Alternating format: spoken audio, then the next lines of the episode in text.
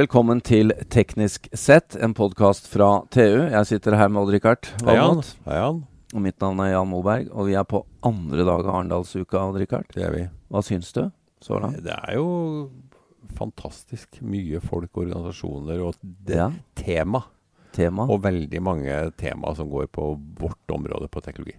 Jeg må jo si også at jeg, at jeg er spesielt imponert i år. For i, i år er det litt sånn smeltedigel om, eh, om alt mulig. Teknologi og politikk og Ja. nullutslipp og du vet.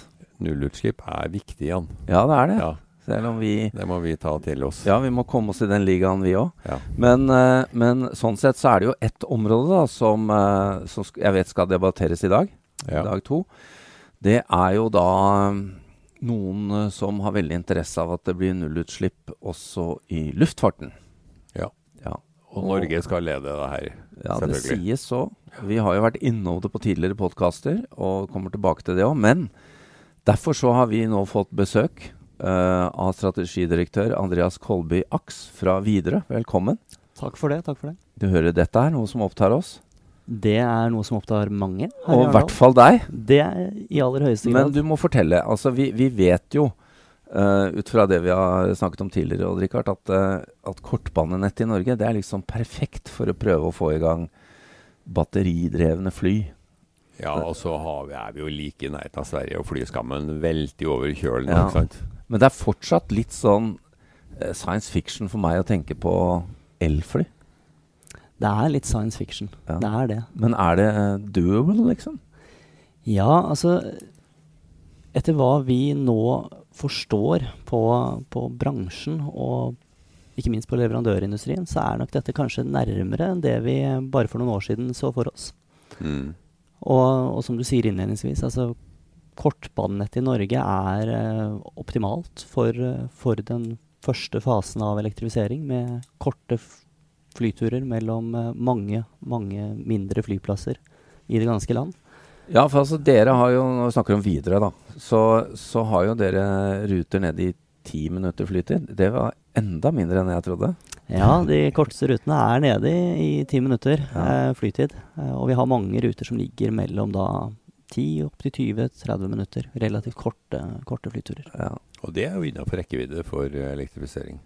Men nå har jeg jo skjønt det uh, her, Andreas, at en av grunnene til at uh, dere gir, gir gass på dette også, er jo fordi at eh, eh, den eh, flyparken dere har i dag, skal jo på et eller annet tid eh, fornyes.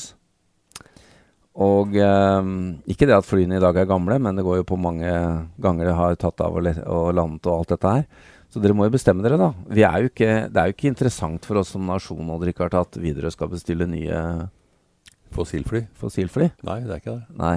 Det Så blir- hvor mye tid har dere på, på den eh, oppgaven, denne øvelsen? Nei, det er korrekt. Eh, Vi er jo Altså, vi har en aldrende flyflåte. Den uh, opererer fremdeles uh, veldig bra på kortbanenettet.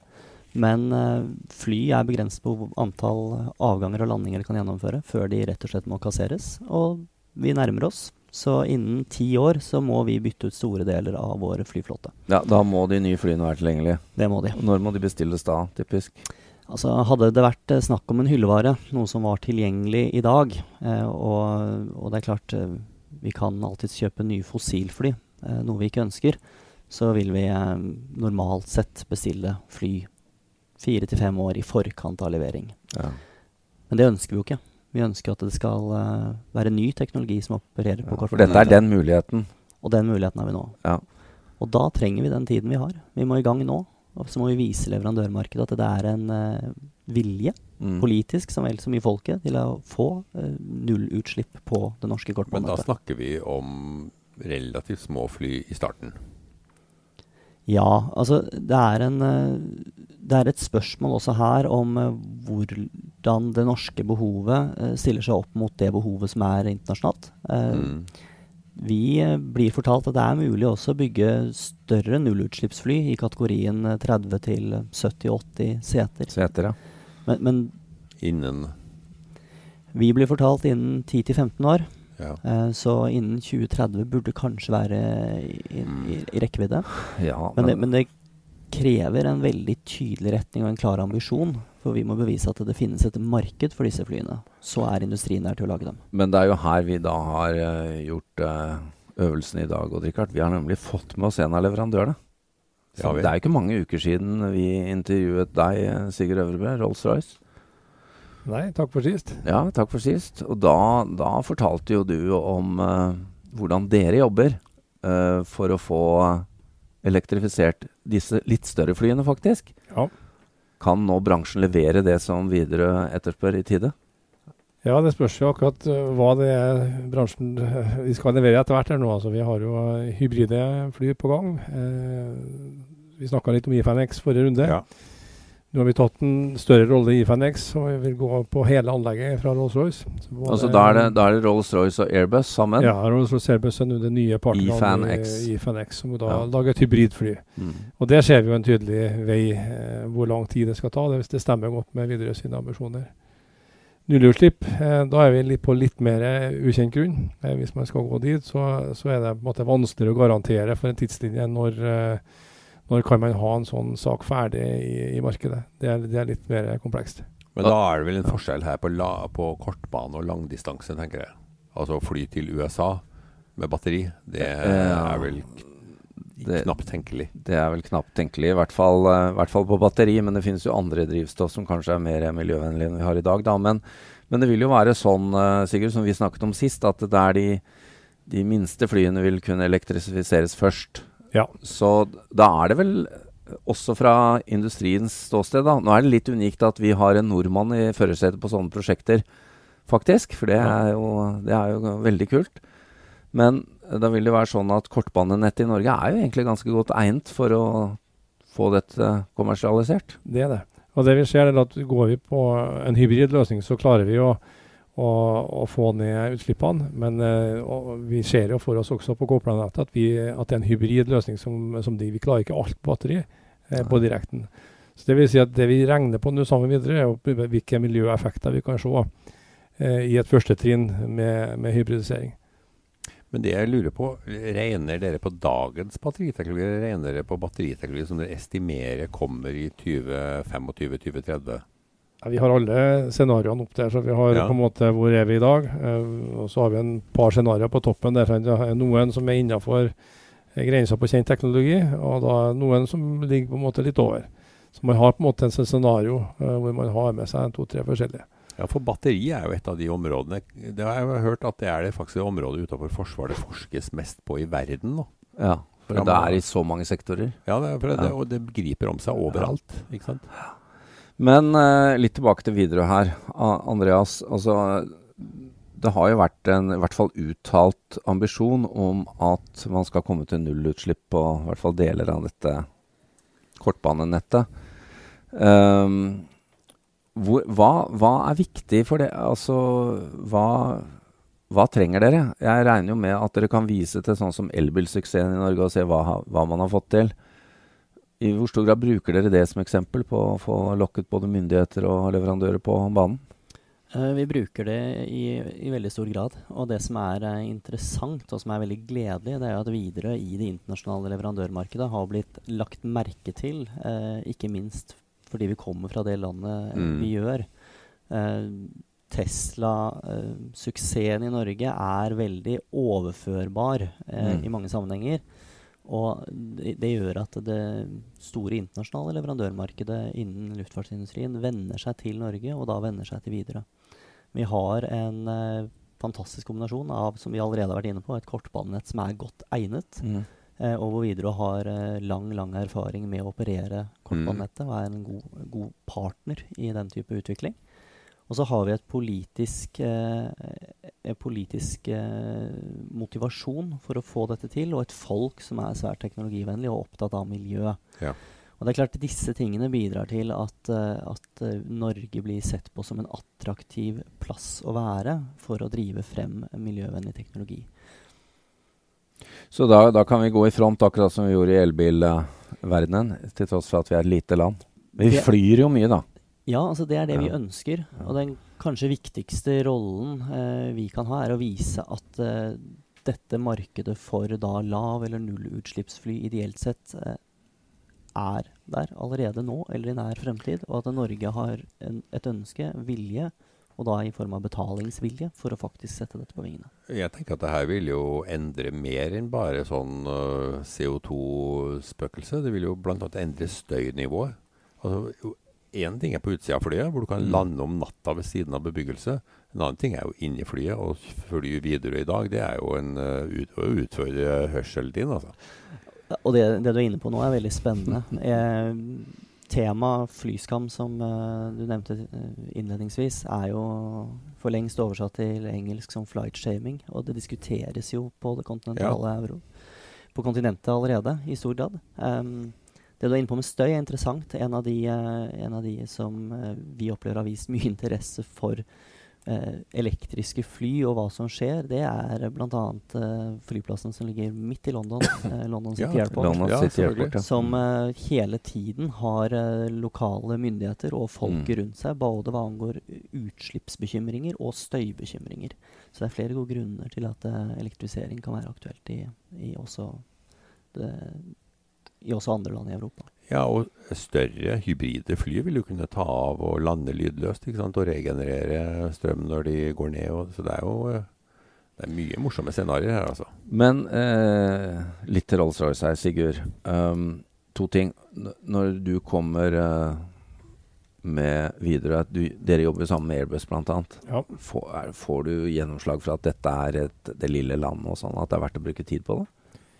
Det er litt som Andreas var inne på, det at uh, det som har skjedd i Norge på bil, uh, men også i marin sektor, det legges merke til internasjonalt. Det er det ingen tvil om. Sånn at uh, i, i Rolls-Royce, oppe i topp management der, så er de veldig klar over hva som har foregått i Norge. og vi får på en måte, Det er en forventning rett og slett om at Norge kan bli et av de første landene. Det, det, er det ingen tvil om. Også da, som du nevner marint, med elferjer. og det er, det er jo veldig spennende. Det er jo Direkte overførbart. Har vist ja. Eh, her i Norge at man mm. får til å implementere ting. Ja, det at Man er flink også i implementasjonsfasen, ikke bare utvikling. Men man, mener det. Ja, ja, man får det til. Men det, det, neste spørsmålet er da En ting er batterier om bord i fly, men, men uh, hva med type hydrogen og altså den type Det finnes jo annet enn bare å hente strømmen rett fra batterier, da, for det må jo bli fryktelig tungt. Ja, Vi kikker jo på i hvert fall tre scenarioer. der at Vi har uh, egentlig flere enn tre, men vi har Eh, ren elektrisk. Eh, så har vi hybrid med gassmotor. Og vi har kikket også på hydrogen ja. Eh, som, som, en mulighet. Det som er komplekset med hydrogenet, det er på en måte sertifiseringa. Ja. Hvor, lagring, hvilken, hvilken, ja, lagring og hvilken løype, hvilken rute skal man ha der, hvor lang tid tar det. det er på en måte det som er komplekst. Men det må jo bli noen voldsomme tanker? da? Det hydrogenet lagres jo under veldig høyt trykk? Ja, det er, det er på en ja. måte kompleksiteten er kanskje er størst. av Hvordan skal utformingen være? Hvordan skal integrasjonen være i flyet? Hvordan skal safety case være? Et hydrogenfly vil jo sannsynligvis bli seende ganske forskjellig ut fra i dag. Ja, jeg tenker det at det kan på en mm, måte være Når du tar den liksom helt ut og bruker alle fordelene, da det kan bli artig å se hvordan den utformingen blir. Men eh, Andreas, eh, er det greit for deg at det kommer andre hybrider og sånn, eller må du ha fullelektrisk eh, batteri i nullutslipp? Nei, altså jeg, jeg, tror vi får splitte opp den problemstillingen litt. Og det er egentlig et veldig godt spørsmål, ikke bare til oss, men til, til politikere og til folket. Er, hvor langt vil vi gå? Hva er ambisjonsnivået her? Mm. Um, det er klart akkurat hva som er energibærer, er nok kanskje ikke så interessant for, eh, for uh, verken passasjer eller politiker. Men det som er viktig, det er den debatten om hvor langt skal vi når det gjelder utslippsreduksjon. Og uh, her er det nok et skille mellom Norges ambisjoner og mange andre lands mm. ambisjoner. Mm. Det, jeg vil si det var uh, veldig oppløftende og kanskje revolusjonerende å høre en relativt samlet flyindustri representert ved Boeing, Airbus, Rolls-Royce uh, og, og, ikke minst United Technologies i, under Paris Airshow nå i juni stå samlet og si at vi, vi, vi, forstår utfordringen, og vi skal sammen jobbe med det. Um, men å jobbe med det indikerer ikke hvor langt man skal gå. Og jeg opplever jo at uh, her er bransjen uh, og ulike nasjoner litt ulike i sitt ambisjonsnivå. Snakker vi et mål om 20-30 uh, reduksjon i form av en konvensjonell hybridløsning, kanskje med elektromotor og, og en eh, generator som produserer strøm? Eller vil vi helt mot null? Ja, så en, Norske politikere, og i hvert fall sånn, hvis du inkluderer da også apparatet vi har med Avinor, har jo uttalt at Eller jeg får inntrykk av at de gjerne vil til null. da. Ja. Men da må de følge opp med, med noe. Hva trenger dere for at uh, vi skal komme dit? Én ting er å si det. Vi har gjort det på, på bil, og vi er i ferd med å gjøre det på ferjer. Og nå, da blir man kanskje litt fartsblind. Da sier jeg ja, nå gjør vi det på fly også. Men hva skal til for at dere tror på det?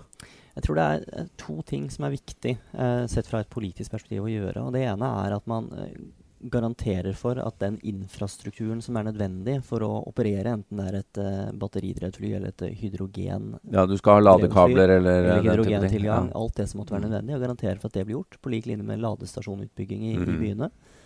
Og det andre er at man er villig til å føre en en eh, avgiftspolitikk som stimulerer eh, nullutslipps- eller lavutslippsflyvninger.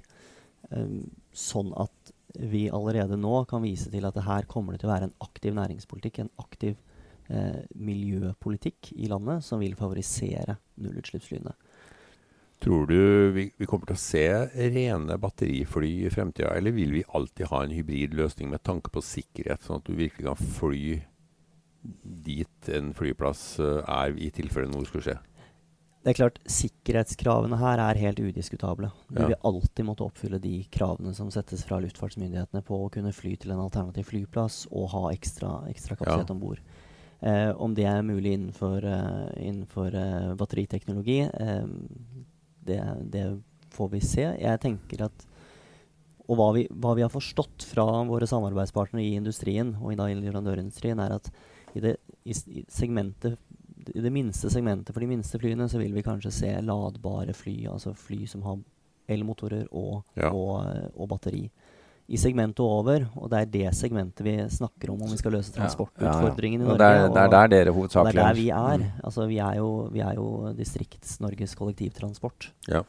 Skal vi løse det, så er vi nok over i kategorien uh, hybrid. Uh, men som vi nå har vært inne på, det finnes ulike måter å fremdeles få det til nullutslipp om man ønsker, uh, Men ønsker det. du er inne på det. altså Vi må jo ta inn over oss også at uh, det er en slags uh, gryende uberifisering av, av, flybransjen. Hvor man nå driver og sertifiserer disse dronene som er autonome, elektriske. Ok, de løfter kanskje bare én eller en håndfull passasjerer, da, men dette vil jo dere måtte forholde dere til òg? I aller høyeste grad. Ja. Og, og, det er en utrolig spennende utvikling. Vi følger den tett, og vi, vi jobber også med leverandører av, av fremtidens eh, da det de kaller vertical takeoff and landing mm. vehicles. Som du er inne på, som kan bli autonome en gang i fremtiden. Veldig spennende. Dette vil jo utfordre vår forretningsmodell, og, og det er grunnen til at vi følger det tett. Um, kanskje vil man i fremtiden bestille sin egen pod on demand. Mm. Tenk på det, Da kan jeg bestille en og sette deg opp og sende deg dit jeg vil. Richard. Det høres fantastisk ut, ja. Bare, Så lenge du kommer deg bort. Jeg ser frem til utsikten. ja. Dere, vi, eh, vi, må avslutte, vi. Eh, jeg må jo bare ønske dere begge, både Sigurd Øvrebø Rolls-Royce og Andreas Kolby Aks i Widerøe, videre, lykke til med Arendalsuka. Dere må jo overbevise noen her nå. Hvordan er stemningen? Tror dere at dette går greit? Ja, det har vi stor tro på. Mye god argumentasjon? Absolutt. Og så ser vi frem til en prøvetur. Ja, den kan du få ta mens jeg står og tar bilde på bakken. Ja. Takk skal dere ha, og lykke til. Takk. Takk for det.